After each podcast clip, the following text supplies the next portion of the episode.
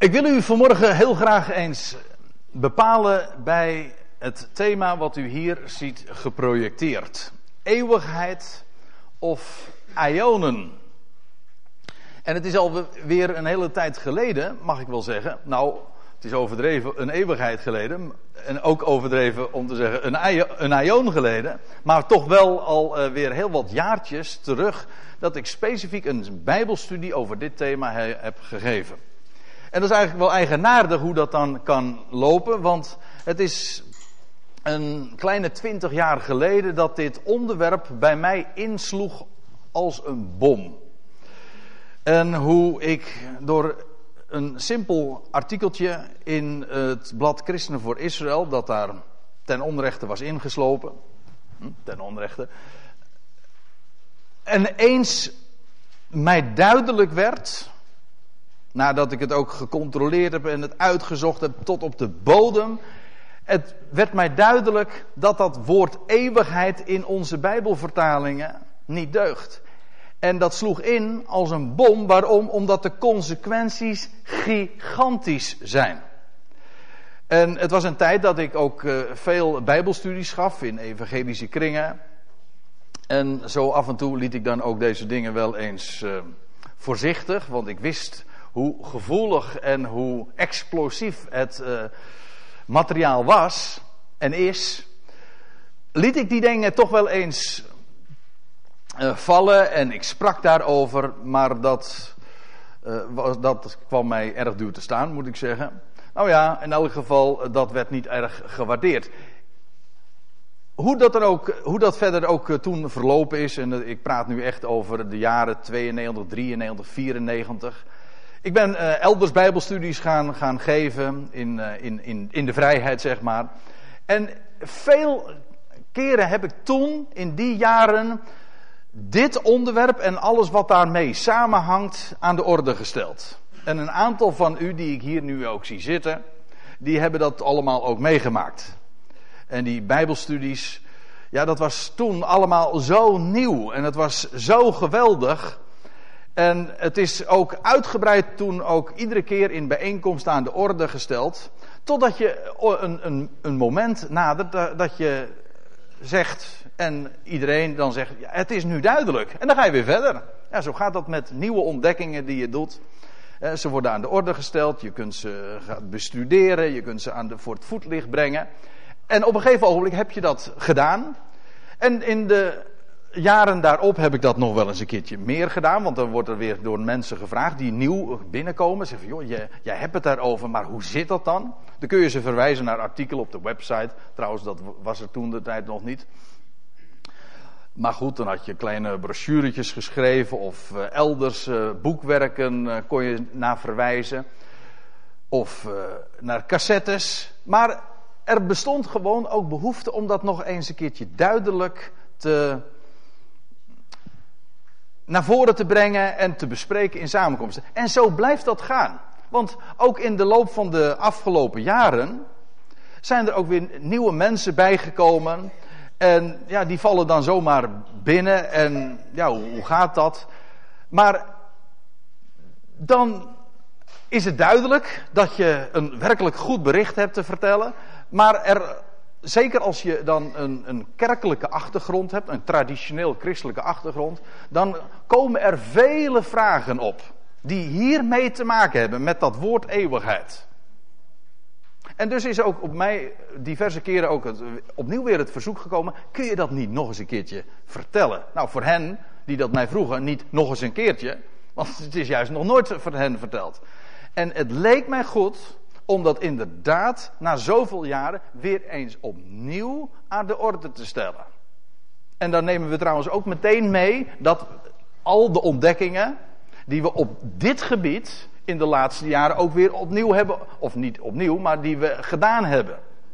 Want telkens weer is het zo, dat je, want zo vergelijk ik Bijbelstudie vaak, het is inderdaad iedere keer een, hetzelfde rondje dat je draait. Dat is waar, je komt iedere keer uit weer bij dezelfde thema's, dezelfde Bijbelgedeelte. Maar dan is het geen cirkelgang, maar het is een spiraal. Dat wil zeggen, je gaat wel iedere keer hetzelfde rondje. Maar steeds op een hoger niveau. En je neemt dat mee wat je in de vorige rondes aan kennis, aan ervaringen, aan inzichten, ontdekkingen hebt opgedaan. En zo is het dus werkelijk een ontwikkeling ook. Je komt telkens weer inderdaad in dezelfde passages en in dezelfde thema's, maar je doet telkens weer nieuwe ontdekkingen. Afijn, het is sowieso, zelfs al zou je geen nieuwe ontdekkingen daarover doen, dan nog is het zo essentieel, omdat dit namelijk fundamenteel is, om deze zulke onderwerpen, en zeker een thema als dit, bij herhaling door te geven. Om weer opgefrist te worden. Om te weten waar komt het nu op aan. En waar zit nou ook hier de, de, de grote trigger? Eeuwigheid of ionen? Kijk, we vertellen het evangelie. En hoe, hoe is het? Overal waar vandaag de kerkdeuren ook openstaan, daar wordt het evangelie verteld. Zo heet dat. Zo noemen we dat. De boodschap die we in de Bijbel hebben gekregen is het evangelie. En dat betekent een goed bericht. Een blijde boodschap. Ja. En wat is de blijde boodschap? Nou, bijvoorbeeld dat God nooit laat varen de werken van zijn handen. In het protestantse kerkdeel van ons land worden deze woorden ook elke zondagmorgen herhaald.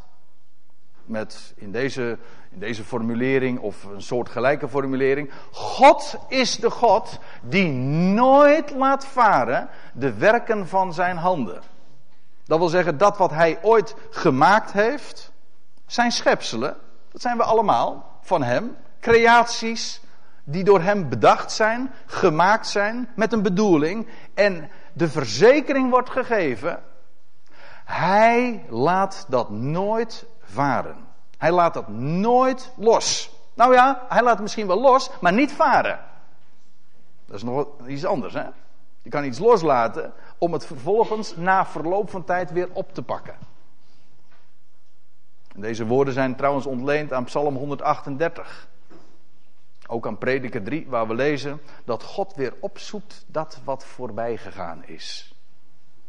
Dat is de God die we kennen. De God die de schepping gemaakt heeft met een doel en niets gebeurt voor niets. Dat is, dat is, als je dit vertelt en niemand kan dat ontkennen, je kan zeggen van nou, het lijkt mij stug dat dat waar is, maar niemand kan ontkennen dat dit werkelijk een blijde boodschap is. Dat er iemand is die om ons geeft, om zijn schepping geeft, gewoon omdat het werk van zijn handen is. Niet omdat ze zo goed zijn of omdat ze zulke prestaties hebben. Nee, louter om het feit dat het werk van zijn handen is, kunnen ze rekenen op zijn trouw. Dat is dus een geweldig goed bericht, want het hangt namelijk niet van jezelf af. En ja, het evangelie is de boodschap dat Jezus Christus is de redder der wereld. Zoals de Samaritaanse vrouw dat ooit zei. Toen ze die twee, twee dagen dat Jezus daar in Samaria, in het, buiten het gebied van Judea was. En buiten de Joodse kringen zich bevond. En dan lees je dat die Samaritaanse vrouw zegt: ik heb, ik heb getuigd, of ik kan getuigen van hem die de heiland, staat er in uw vertaling, der wereld is. Maar dat betekent gewoon de redder der wereld. Later herhaalt Johannes het ook in zijn brieven. Is dat een evangelie of niet? Dat Jezus Christus de redder van de wereld is.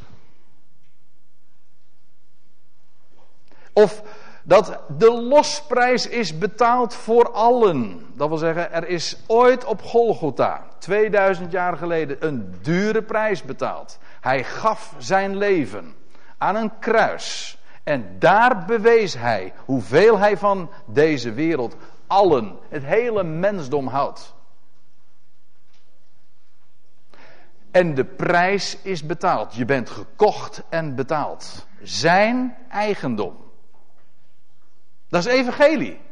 Of dat de dood wordt teniet gedaan. Dat de dood niet het laatste woord heeft, maar dat het leven zal triomferen. Of nog andere woorden. Ja, ik kan, ik kan nog wel. Ik had nog veel. Ja, de, nu is. Deze, het scherm is vol, dus we laten het hier maar even bij. Maar ik wil u gewoon een aantal voorbeelden geven waarvan niemand hier kan ontkennen dat als je er gewoon zuiver en onbevooroordeeld tegenaan kijkt, dat dit werkelijk een goed bericht, een blijde boodschap is. Dat al het verlorene weer zal worden gevonden. Waarom? Zoals die herder dat deed. Hè? Die, die zocht dat schaapje dat verloren was. En hij zocht het verlorene. En hoe lang zocht hij het? Totdat hij het gevonden had.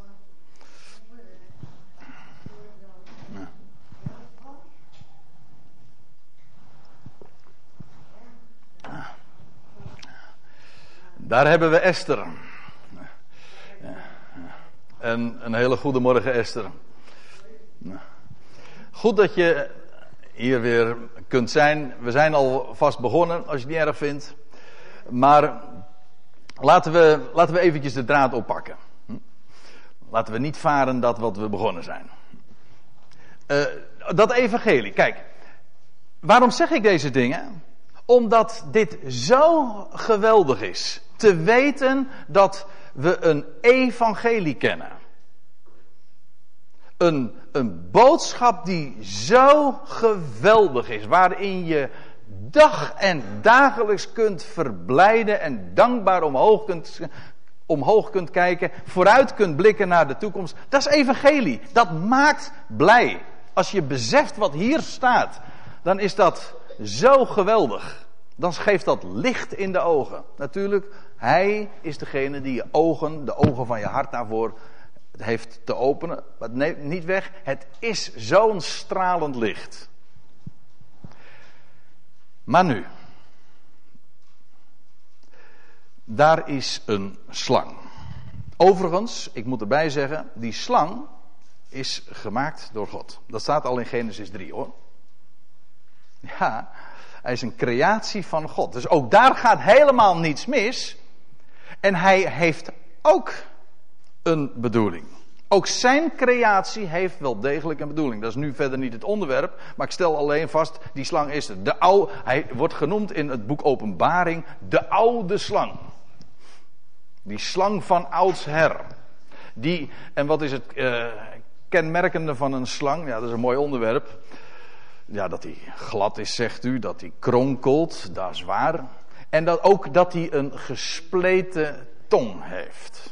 Dat is in de Bijbel trouwens, en trouwens bij ons ook in het spraakgebruik nog een uitduiding van dat je met dubbele tong spreekt. Enerzijds, anderzijds. Dingen zegt, maar het klopt niet, het, je liegt. Dat wil zeggen, je, wat je met het een zegt, ontken je weer met het ander, of vice versa. En wat heeft die slang gedaan? En dat is zo enorm fataal. Maar ook zo'n geweldige truc. Waardoor je een, dat geweldige evangelie waar we het over hadden. Door een woord te verdraaien. Of een dubbele klank mee te geven. Het hele evangelie teniet doet. Het is een virus inbrengt, waardoor het, om het even in computertermen te zeggen, het hele computerprogramma lam gelegd wordt. Waardoor dit hele woord niet meer klopt. En dat is dit. Dat het woordje. Aan de ene kant in, de, in onze Bijbelvertalingen, want wij lezen allemaal. Uh, nou ja, Theo Frederiks is uitgezonderd, maar, we hebben, maar ook zelfs hij eh, leest een Nederlandse vertaling. We lezen allemaal geen, geen niet de oorspronkelijke schriften, de grondtekst, Hebreeuws en Grieks. Nee, we lezen een Bijbelvertaling. En wat heeft hij gedaan? Eén woord, en ik beperk me nou eventjes tot het Griekse Nieuwe Testament, voor het gemak. Eén woord, het woordje aion. Dat geeft, dat is in de Bijbelvertalingen weergegeven aan de ene kant met eeuw, en aan de andere kant met eeuwigheid. Eeuw, dan moet u trouwens niet zozeer denken aan een periode van 100 jaar, maar gewoon aan een tijdperk. zoals de Gouden Eeuw ook bij ons trouwens niet strikt genomen 100 jaar was, maar het Gouden Tijdperk.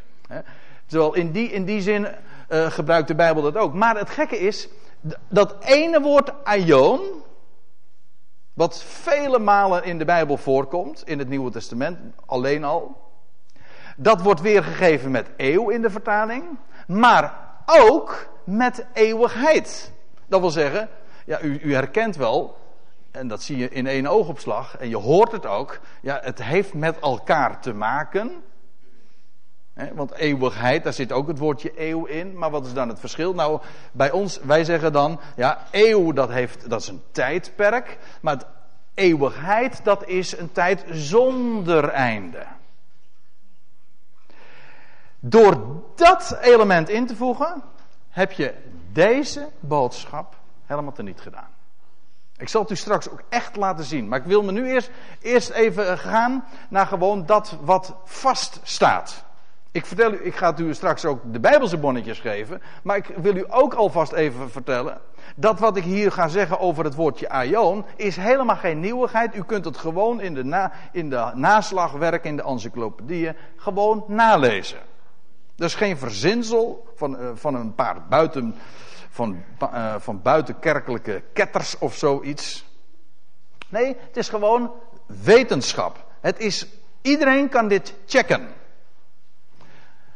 Dat woord aion, de Winkele Prins encyclopedie, u kunt het zo nazoeken. Tegenwoordig heeft niemand meer een encyclopedie natuurlijk, dus u gaat gewoon naar Wikipedia, dan kunt u het ook allemaal zien. Maar daar staat dit. Aion of aion, dat is, de, dat is trouwens ook een Nederlands woord. Hè?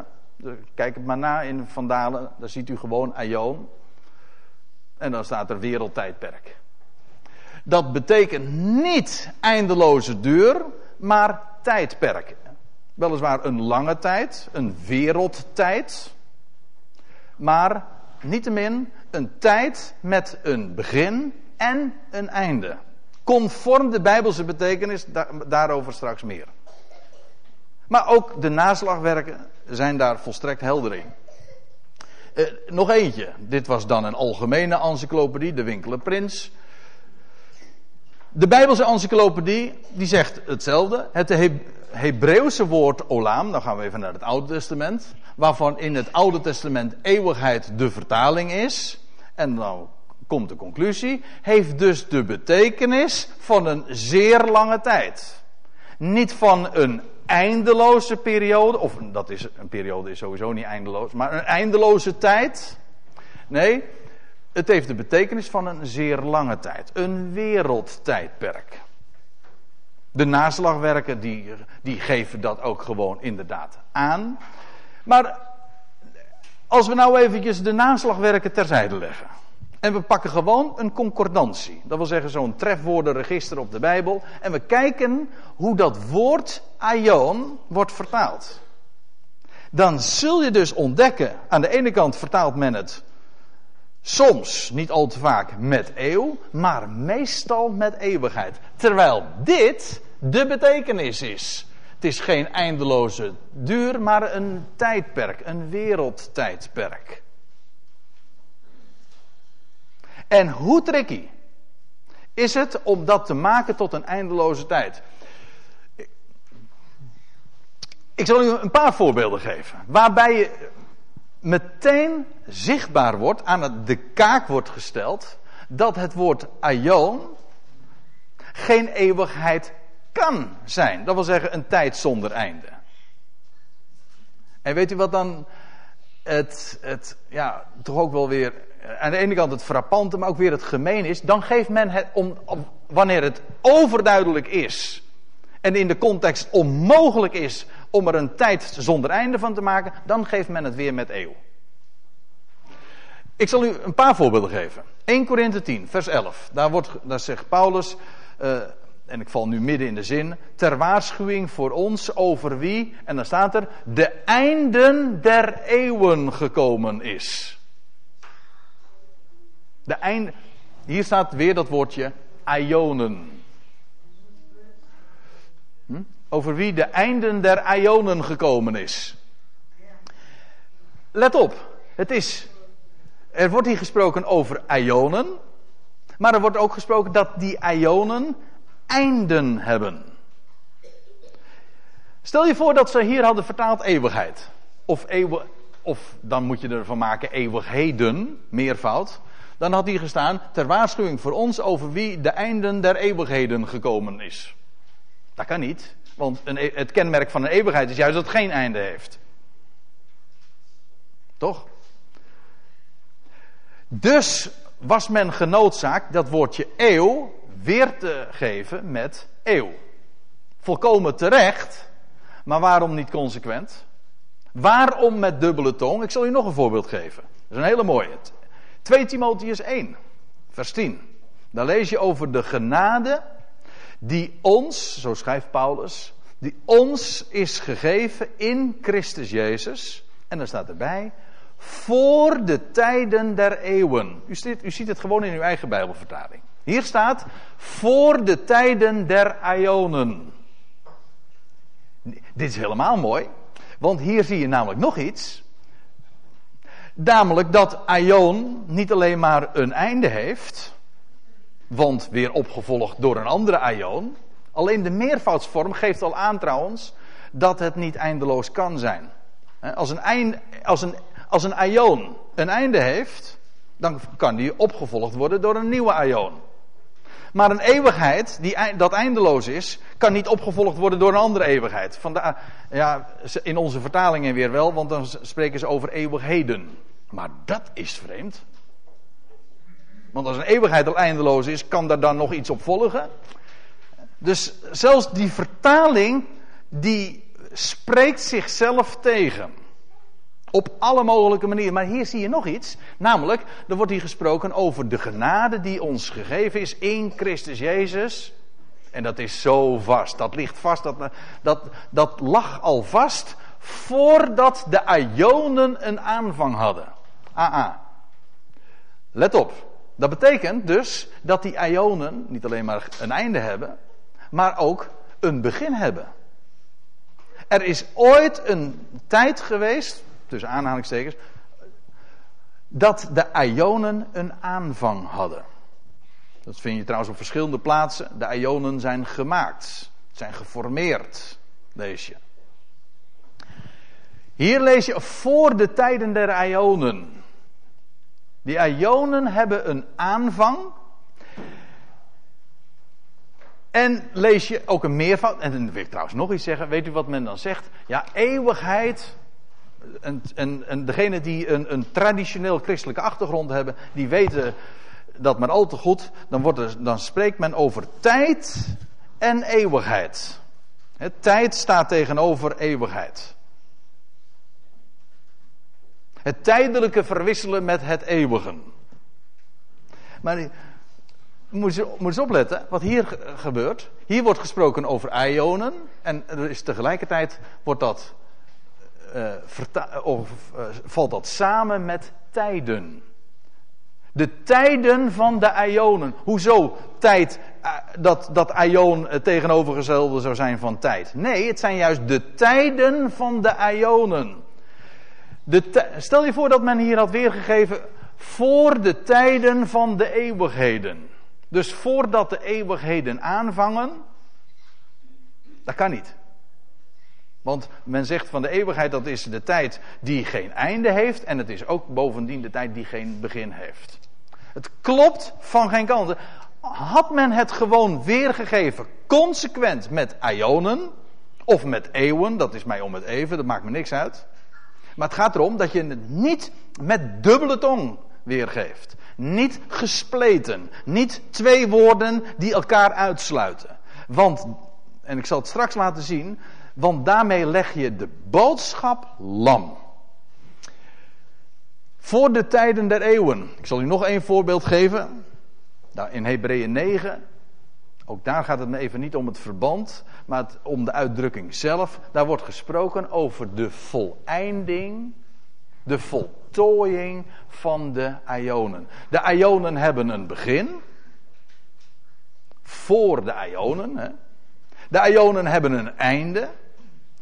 Hier lees je ook over de, de Ionen zullen uiteindelijk ook een voltooiing hebben. De voleinding van de Ionen. In Efeze 3 lees je dat God een, het voornemen der Ionen heeft. Het, andere vertaling is, letterlijk staat er, de, de, het plan der Ionen. God, God werkt iets uit in tijden, in tijdperken. Zoals elke creator trouwens een plan maakt. Niet waar? Iemand die een huis bouwt, die maakt eerst een tekening, een plan, een ontwerp.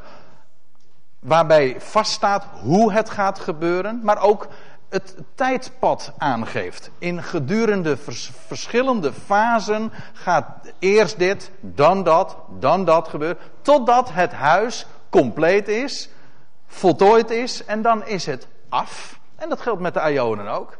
God heeft een plan der Ionen. Hij, heeft, hij is met die Ionen, die tijdperken begonnen. En gedurende die tijden werkt hij iets alomvattends uit. Hemel en aarde en alles betreffend. Totdat uiteindelijk het werk af is. Dat is bij de voleinding der Ionen. Ziet u ook hier weer dat het woordje eeuwigheid niet kan bij de voleinding der eeuwigheden. A, een eeuwigheid heeft al geen einde en dus eeuwigheden kan niet. Maar dan staat hier bovendien de voleinding der eeuwigheden. Het is trouwens wel grappig. Als men had het consequent had weergegeven met eeuwigheid, dan had ik er nog geen problemen mee gehad. Nou ja, het is, het is, het is, het is lastig. Maar dan, eh, dan had je namelijk meteen geweten: oh, maar een eeuwigheid is niet eindeloos. Maar doordat men het dubbel vertaald heeft, weergegeven heeft, komt er een compleet andere betekenis in, in de picture. De voleinding der Ionen. Ja. Nou, nou wil ik u een paar voorbeelden geven hoe men het ook heeft weergegeven. Dus met eeuwigheid. Dat woord wat dus niet klopt. Wat, geen, wat niet de, de betekenis is van dat woordje aion. Ik geef ook daarvan een paar voorbeelden. Openbaring 11. Die moet u even vasthouden, want straks aan het einde van deze studie wil ik, wil ik daar nog op terugkomen. Daar wordt gesproken over het koningschap of het koninkrijk van de wereld. Het is het boek Openbaring. Hè, daar, daar, als de Heer Jezus straks zal terugkeren en hij zal de heerschappij op zich nemen over deze wereld. Dan lees je dat dan bezongen zal worden. Het koninkrijk over deze wereld is gekomen. En aan onze Here en aan zijn gezalfde, zijn Mashiach, zijn Christus. En dan komt het. En hij zal als koning heersen. En dan staat er in uw vertaling. Of ja, in, in de gewone de standaardvertaling. Hij zal als koning heersen tot in alle eeuwigheden. En ik heb het dubbel doorgekrast. Waarom? Omdat A, alle niet, uh, het woord alle staat er al helemaal niet. Maar dat is, vind ik niet het grootste probleem. Er staat, er staat namelijk letterlijk de, tot in de ionen der ionen. Dat dubbele meervoud hebben ze, heeft men wegvertaald en men heeft van ionen eeuwigheden gemaakt. En hier wordt de indruk gewekt, nou ja, hij zal, de Heer Jezus Christus zal als koning heersen tot in alle eeuwigheden, zonder einde. Toch? Dat is wat elke Bijbellezer bij zoiets denkt. Ik zal straks ook laten zien dat dat niet kan kloppen, want de Heer Jezus moet heersen totdat. Zodat alleen al uit schriftvergelijk blijkt dat dit niet kan. Maar bovendien, men heeft het vals, ik zeg het expres zo, men heeft het vals vertaald. Er wordt niet gesproken over eeuwigheden, er wordt gesproken over ionen. Tot in de ionen der ionen. Weet u wat dat betekent? Het hele idee is dat er ook de Bijbel spreekt over ionen die al voorbij zijn. Ja, ja. Efeze 3, ik ja, het voert te ver om dat nu ook te laten zien. Maar de Bijbel spreekt over de ionen inderdaad die achter ons liggen. De Bijbel spreekt over de tegenwoordige ion. De Bijbel spreekt over de toekomende ion, maar ook over de komende ionen. En die komende ionen, die komende wereldtijdperken, die zullen worden gekenmerkt door de heerschappij van Christus. Hij zal dan heersen. daarom worden die, die ionen ook genoemd de ionen der ionen. Dat wil zeggen, dat zijn de overtreffende ionen. Dat is een typische ja, bijbelse manier van zeggen. Bijvoorbeeld de koning der koningen. Dat wil zeggen, van alle koningen is hij de overtreffende koning. Of uh, het heilige der heiligen. Van alle heilige dingen is dat het meest heilig. Of het lied der liederen. Van alle liederen is dat het lied bij uitstek. Nou, die ionen der ionen. Hij zal heersen tot in de ionen der ionen. Dat wil zeggen, die ionen die gaan komen, dat zijn de ionen der ionen. Van alle ionen die er zijn, vijf kan ik u vertellen, zijn dat de overtreffende ionen. En vandaar worden ze genoemd de ionen der ionen. Zo simpel kan het zijn. En ik maak me sterk dat het. Uh, deze dingen worden niet verteld. Maar als je gewoon de Bijbel zou lezen. En men zou dit woord. Wat hier achter ligt. Achter schuil gaat. Consequent hebben weergegeven. Met eeuw of met aion. Dan had dit zonneklaar geweest. Hij zal als koning heersen tot in de ionen der ionen. Dan zal ik u nog iets weergeven. Daar heeft men iets afschuwelijks van gemaakt. En ik wil, begrijp me goed. Ik wil niets wegpoetsen in de Bijbel. Integendeel. Ook het oordeel, het straf, de dood hebben allemaal hun plaats in de Bijbel.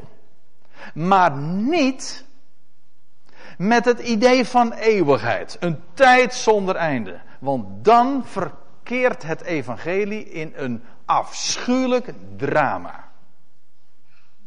En daar, komen we eigenlijk nu op het spoor. Want uh, even later, in, want hier waren we in openbaring 11 vers 15. Nu komen we in openbaring 14 vers 11. En daar lees je over de rook van hun pijniging stijgt op in alle eeuwigheden, staan er in onze vertaling. Dat staat er niet hoor. Er staat ook hier weer, stijgt op in de ionen der ionen. Ik zal de zin even helemaal eh, verder lezen. En ze hebben geen rust, dag en nacht, die het beest en zijn beeld aanbidden. En al wie het merkteken van zijn naam ontvangt. Waar het hier trouwens over gaat, is dat er straks uh, dat, dat beest, daar hebben we het bij andere gelegenheden wel eens over gehad. Uh, in het Midden-Oosten die wereldleider zal optreden en een heel regime zal, zal aanvangen en ook zal eisen van zijn onderdanen dat ze een teken op hun hand of op een, op een voorhoofd krijgen. En ook hem gaan dienen en aanbidden. Er zal een afgodsbeeld op het tempelplein in Jeruzalem geplaatst worden, et cetera, et cetera. De Bijbel spreekt er heel veel over. Maar degene die daar, zich daar, daar gehoor aan zullen geven, zal het heel duur komen te staan. Want je leest ook dat ze getroffen zullen worden door vuur en zwavel, zoals dat ooit met Sodom en Gomorra is gebeurd. En die rook, er staat trouwens niet, let op, dat die pijniging doorgaat tot in de ionen der ionen. Nee, er wordt gesproken over de rook die zal opgaan, die zal opstijgen tot in die laatste tijdperken. De rook die herinnert aan hun pijn zal opstijgen.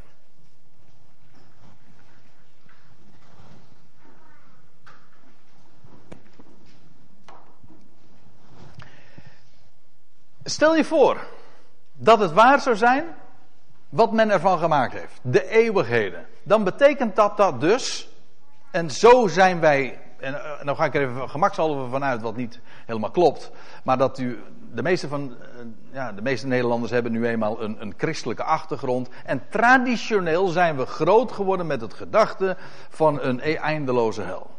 Nou, dat is wat hier dus bevestigd wordt in de vertalingen de, de, hele gedachte van een pijniging die tot, uh, voortduurt tot in alle eeuwigheden. Denk erover na en je wordt gek. Ik weet het uit, uit eigen ervaring. Want ik heb deze dingen als kind al vreselijk serieus genomen. En ik dacht al, hoe afschuwelijk. En dan hoef je nog niet eens bang te zijn voor jezelf. Maar als dit het lot is van andere mensen, zonder perspectief. Kijk, dat er pijniging is en dat er oordeel is en dat er diepe dalen zijn, dat is een gegeven dat wij ook in dit leven kennen. Maar als je het idee hebt dat er een God is die zijn schepselen in de eindeloze pijniging brengt, zonder perspectief, wat er ook gebeurt, tot in alle eeuwigheden, zonder einde. Wat is er dan nog over van het evangelie? Wat is er dan nog over van die dingen die waar we zo, zojuist mee begonnen? Een eindeloze dood. Hè? daar spreekt men ook over. Hè? Men spreekt dan over uh, ja, ongeloof. En als je hem ongehoorzaam bent, dan kom je terecht in de eeuwige dood. Ik heb, ik heb zelf geen probleem met het woord eeuwige dood. Als je eenmaal weet wat eeuwig betekent. Maar zoals iedereen het opvat, denkt aan een eindeloze dood. Maar wat als er een eindeloze dood is? Dan kun je dus het evangelie wel gewoon op je buik schrijven. Want het evangelie is juist de boodschap dat de dood teniet gedaan wordt. Het hele idee van een eeuwige dood, in de zin dus van een eindeloze dood, is gewoon een radicale rode streep door het evangelie. Het is namelijk het een of het ander. Beide kan niet. Maar de Bijbel spreekt niet over eeuwigheid, de Bijbel spreekt over ionen. Ik zal nog een voorbeeld geven. Dat wordt uh, heel dikwijls opgevat, opgevoerd door de oppositie. Want zodra, want ik waarschuw u, maar de meesten die hebben dat al lang ondervonden uit eigen ervaring. Dat wanneer je deze dingen doorgeeft en je spreekt over de hoop die je hebt leren kennen in Jezus Christus. En dat er een universele hoop is voor heel zijn schepping dan krijg je altijd een, een, bepaalde, tegen, een bepaalde tegenwerping die altijd weer terugkomen. En één daarvan is deze. Matthäus 25, vers 46. Daar lees je over wanneer de Heer Jezus Christus terug zal komen en zal zitten op de troon van zijn heerlijkheid. Matthäus 25. Dan lees je over de schapen en de bokken, et cetera. Nou, daar moeten we het echt nog eens over hebben. Maar dan lees je aan het einde, en daar gaat het me nu even om. In het laatste vers lees je van dat hoofdstuk. En deze zullen heen gaan, dat wil zeggen de bokken. Deze zullen heen gaan naar de eeuwige straf, maar de rechtvaardigen naar het eeuwige leven. Zie je wel? Dat is wat, eh, wat er dan verteld wordt. Ehm, als je het hele idee hebt van eindeloosheid, dan betekent dat er dus twee wegen zijn, twee bestemmingen, en dan is daar komt daar geen verandering meer in, want het is namelijk eeuwig. Maar er wordt geen, is geen sprake van eeuwige straf. Het is dit woord eeuwig. Ik heb er, in principe heb ik er geen moeite mee als je het gebruikt. Als je maar zegt eeuwige straf. Dat wil zeggen betrekking hebbend op eeuw. Dus in de zin van eeuws. Zoals wij spreken over 20ste eeuwse. Of 21ste eeuws. Trouwens, wat is eeuwig is eigenlijk ook het bijvoeglijk naamwoord dat gekoppeld is aan eeuw. Zoals je hebt jaar en je hebt jarig. Niet waar? Jarig heeft te maken met een jaar dat weer voorbij is. Niet waar? Nou, zo is eeuwig in wezen de bijvoeglijke vorm van eeuw. Als je eenmaal weet hoe het zit, dan, dan, dan begrijp je dat wat eeuwige straf en eeuwig leven is. Heeft te maken met een eeuw. Hier staat, hier letterlijk wordt hier gesproken over de Ionische straf. Even tussen twee haakjes. Moet ik even tussendoor zeggen. Hier wordt een woord gebruikt, straf. Een woord dat in de, uh, in, in, in, elders in de Bijbel, maar in het algemeen ook gebruikt wordt in verband met opvoeding. Het woord straf Colasis, dat, is, dat betekent inderdaad uh, opvoedend straffen. Uh, disciplinaire maatregelen.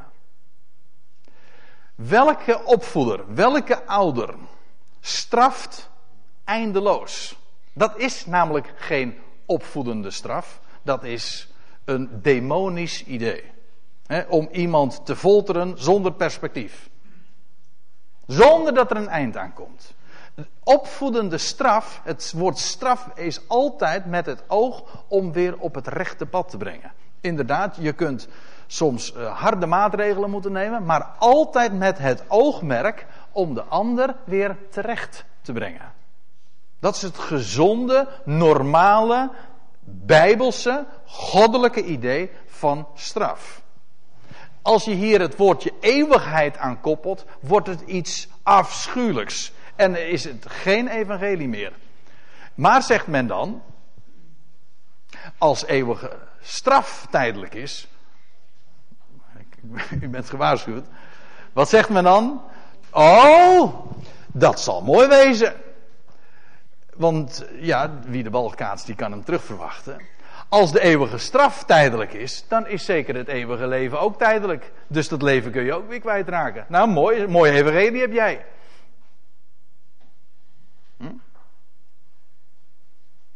Maar het idee, ook hier is inderdaad, er wordt gesproken over het eeuwige leven. Het eeuwse leven, het leven van de eeuw. Ik zal het straks ook laten zien. En ik zal trouwens ook laten zien dat die eeuw inderdaad voorbij gaat. Gaat het eeuwige leven voorbij? Als, dan is het antwoord: de eeuw wel, het leven niet. Ja, het, de eeuw gaat voor, een eeuw gaat altijd voorbij. Een eeuw heeft een begin. Een, eeuw, een aion heeft ook weer een einde. Dat geldt ook voor, deze, voor dat eeuwige leven, die, dat leven van die toekomende eeuw. Dat leven gaat niet voorbij, sterker nog, de dood gaat juist uiteindelijk voorbij. Ook dat zal, zal ik straks ook expliciet laten zien. Maar ziet u, hier op, op deze, dat hele idee van eindeloosheid, van eeuwigheid, is het hele, de, de verkondiging in de christelijke kerk gebaseerd. Kent u dit plaatje? De smalle en de brede weg. Ja, hier, hier de smalle weg. En die leidt naar het eeuwige leven. Als u, als u als je het plaatje zou uitvergroten, dan krijg je ook nog een verwijzing naar dit vers. Matthäus 25, vers 46. Twee bestemmingen. De brede en de smalle weg. De smalle weg naar het leven, het eeuwige leven, dat eindeloos is. En de brede weg, die leidt naar het verderf, de vlammen, de rook, de vuur. En daar komt never nooit een einde aan. Eeuwigheid. Eeuwig leven, eeuwig straf. Eeuwig wel, eeuwig wee. Dit is een hele aantrekkelijke weg. Dit is een hele onaantrekkelijke weg, maar wel met een hele goede uitkomst. Dat is het idee. Zie hier in een notendop dat wat. Nou ja, er, kijk, het wordt in allerlei gradaties verteld. Soms wordt het met, met, met heel expliciete hel en verdoemenis allemaal verteld. Maar dit hele idee, dat ligt als de, is de achtergrond van alle prediking. Vrijwel alle prediking in de christelijke kerken. In de christenheid van oudsher. Nou ja, ergens in de derde, vierde eeuw is dit, is dit werkelijk, heeft dit in de dagen van Augustinus, heeft dit echt zo zijn beslag gekregen. En hij heeft dit virus in de hele christenheid het evangelie lam gelegd. In de eerste eeuw was het nog anders, maar dat is nog weer een verhaal apart. Eeuwig wel, eeuwig wee een doem. Hoezo de redder der wereld? Hoezo de dood teniet gedaan wordt? Hoezo laat niet varen de werken zijner handen? Hoezo de losprijs is betaald voor allen? Hoezo evangelie goed bericht? Want dit is niet zo'n goed bericht hoor. Kijk, als dit tijdelijk zou zijn, als dit straf zou zijn met het oog om weer terecht te brengen, dan wordt dit alsnog een goed bericht. Namelijk, als een middel waardoor God zijn doel bereikt. Als een, een fase in een proces waar dat het doel heeft om terecht te brengen. Om alles tot een goed einde te brengen. Maar dit is het idee. Allemaal gebaseerd op die vertaling eeuw, aion is eeuwigheid.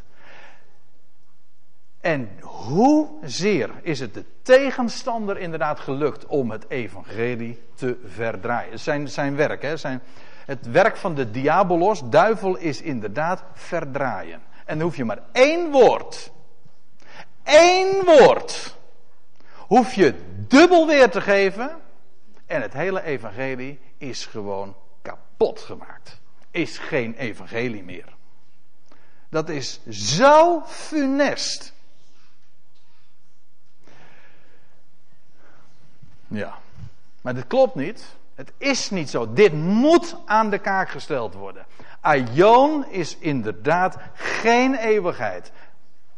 Niet alleen omdat Winkeler Prins en de Bijbelse encyclopedie dat weten. Want waarom.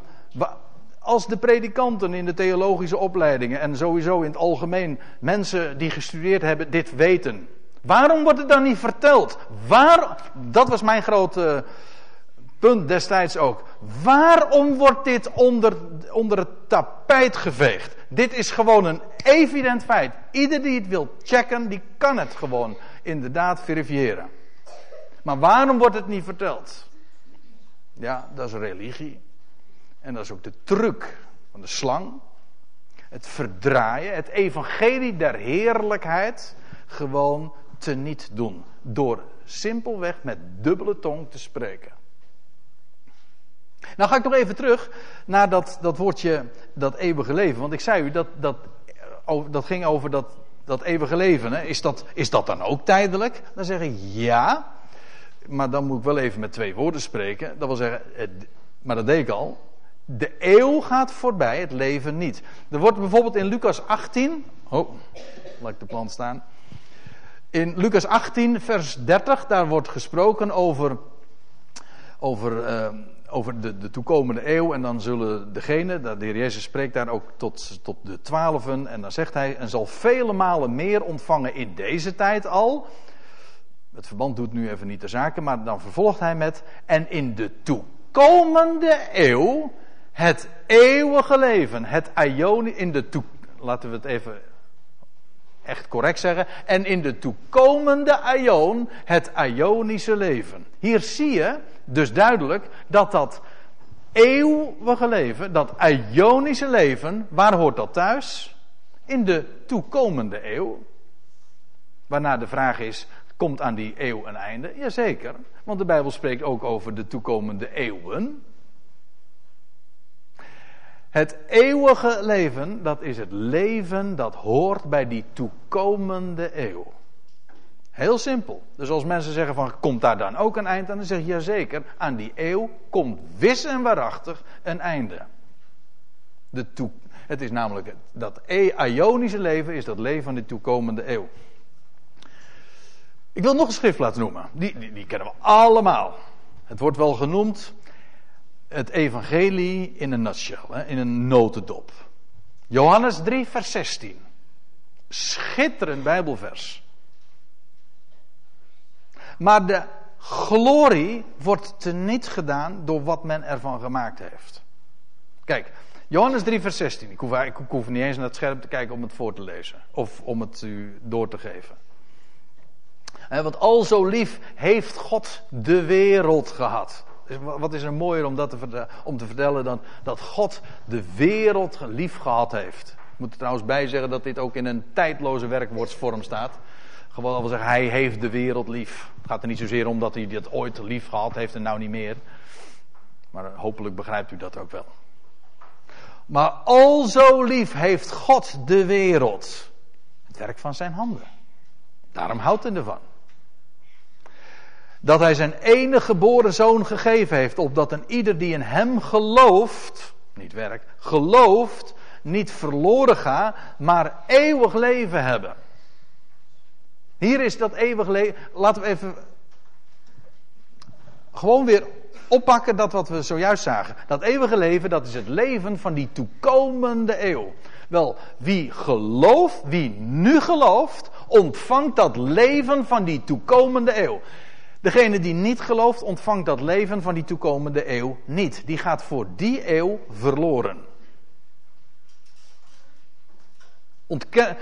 Ontkennen wij het oordeel? Ontkennen wij het feit dat, mens, dat mensen verloren zouden kunnen gaan? Nee, natuurlijk niet. Dat is een volstrekt evident Bijbels gegeven.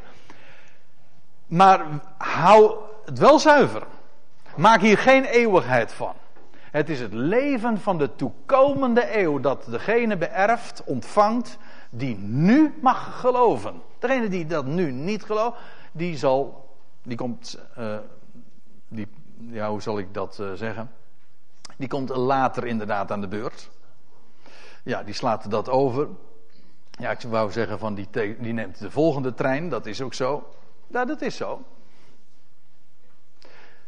Maar dit, het, het idee van, ja, daar, daar zijn schepselen die verloren gaan en die niet het eindeloze leven ontvangen, maar die dan dus voor eeuwig inderdaad in de hel terechtkomen, hoe men dat dan ook voorstelt, dat is, afschuwelijk.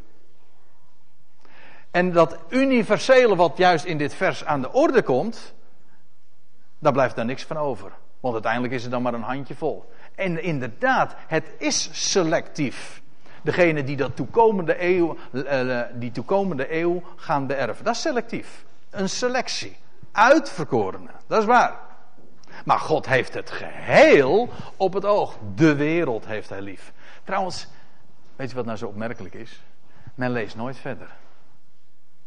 Men leest alleen maar Johannes 3, vers 16. Met dat valse idee van eeuwigheid erin.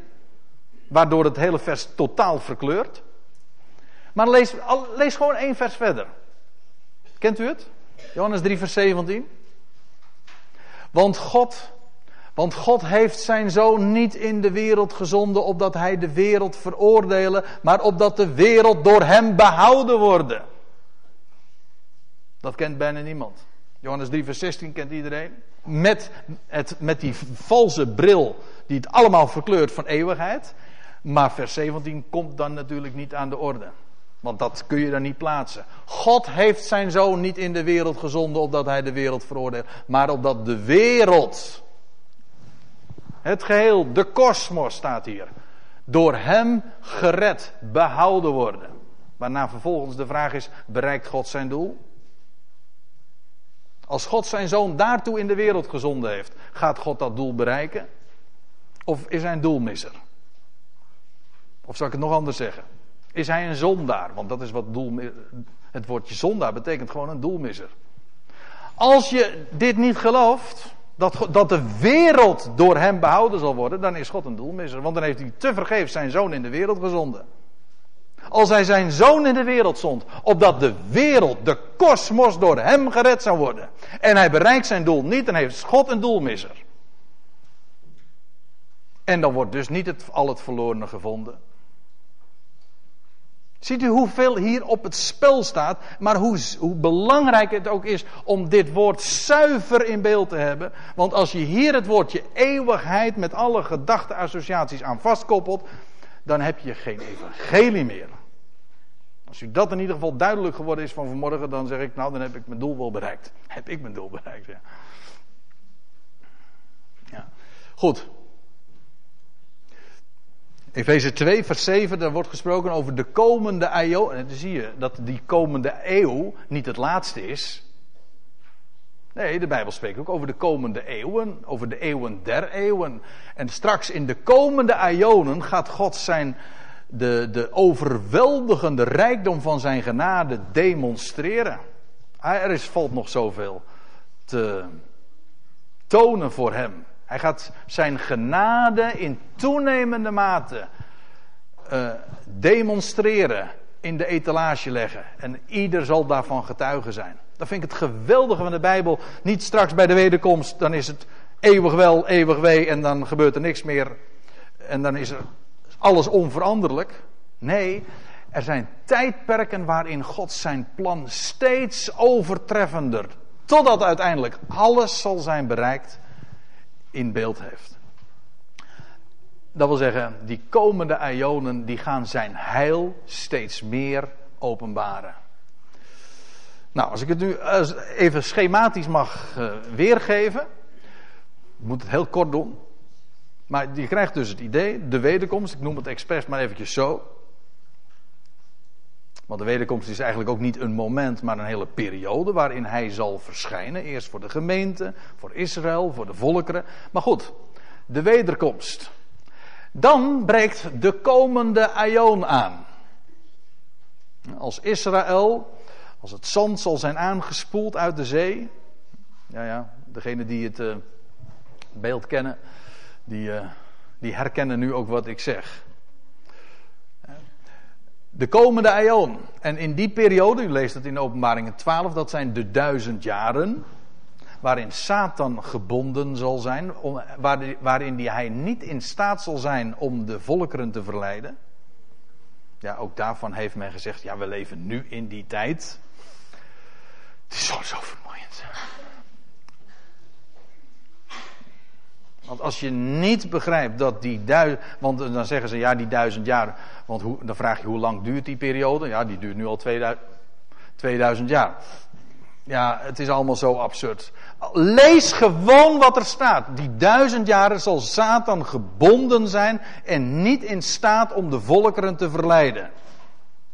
Dat is nu uitdrukkelijk wel. Ik zou zeggen, pak de krant en je weet het. Dat, dat is die komende eeuw, die duizend jaren. Dan lees je vervolgens in openbaring 20, daarna zal, uh, is er sprake van de grote witte troon. De doden zullen opstaan en de boeken zullen opengaan. Ja, dat zijn onderwerpen op zich. En daarna krijg je openbaring 21 en 22. Daar lees je over een nieuwe hemel en een nieuwe aarde. Dat, is, dat elders wordt dat genoemd de Aion der Aionen. Dit is de meest overtreffende wereldtijdperk dat. Dat gaat goed. Ja, die gaat aan de wandel. Die denkt, nou ja, we hebben nog Aionen te gaan, dus. Uh... Dus wie doet mij wat?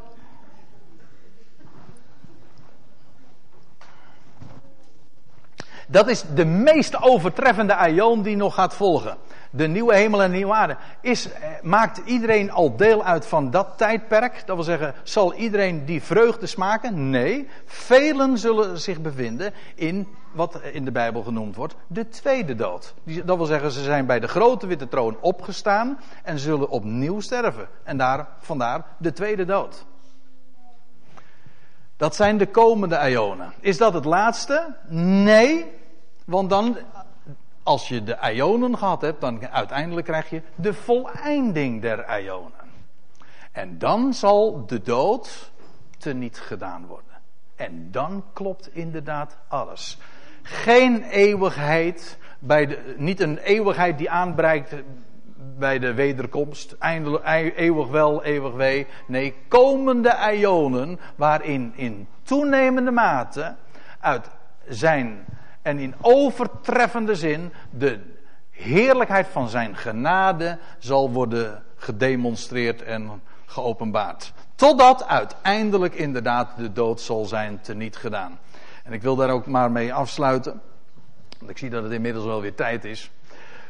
Uh, met de woorden die Paulus zelf heeft opgetekend. Want in het boek Openbaring vind je dat allemaal niet meer. Over die voleinding van de Ionen. Maar, maar Paulus spreekt er in 1 Korinthe 15 wel over. Dan zegt hij in vers 22.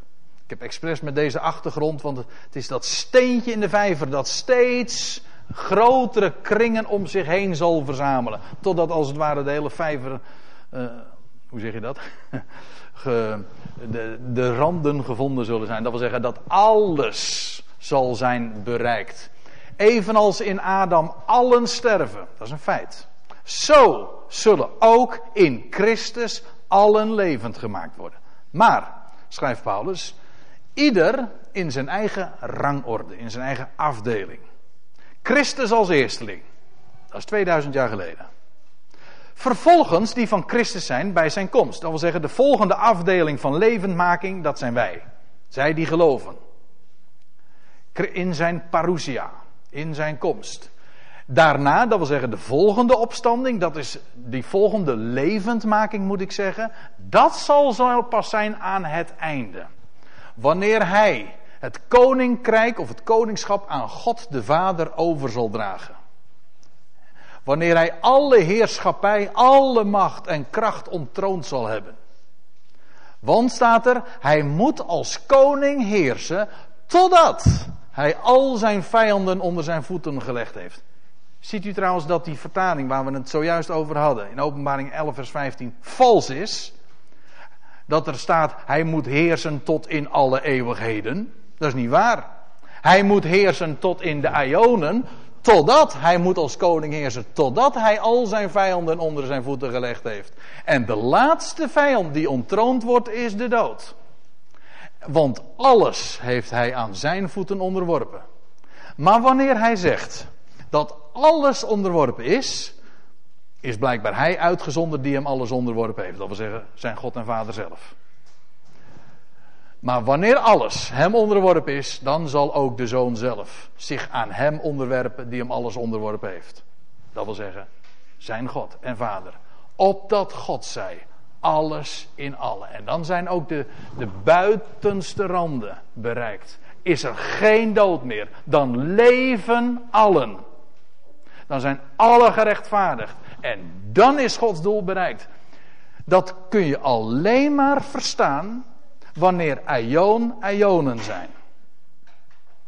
En geen eeuwigheid, want dan klopt hier niets van. Dan heb je geen evangelie. En dat wilde ik u vanmorgen zo graag eens vertellen. Stel, ik stel voor dat we een lied zingen.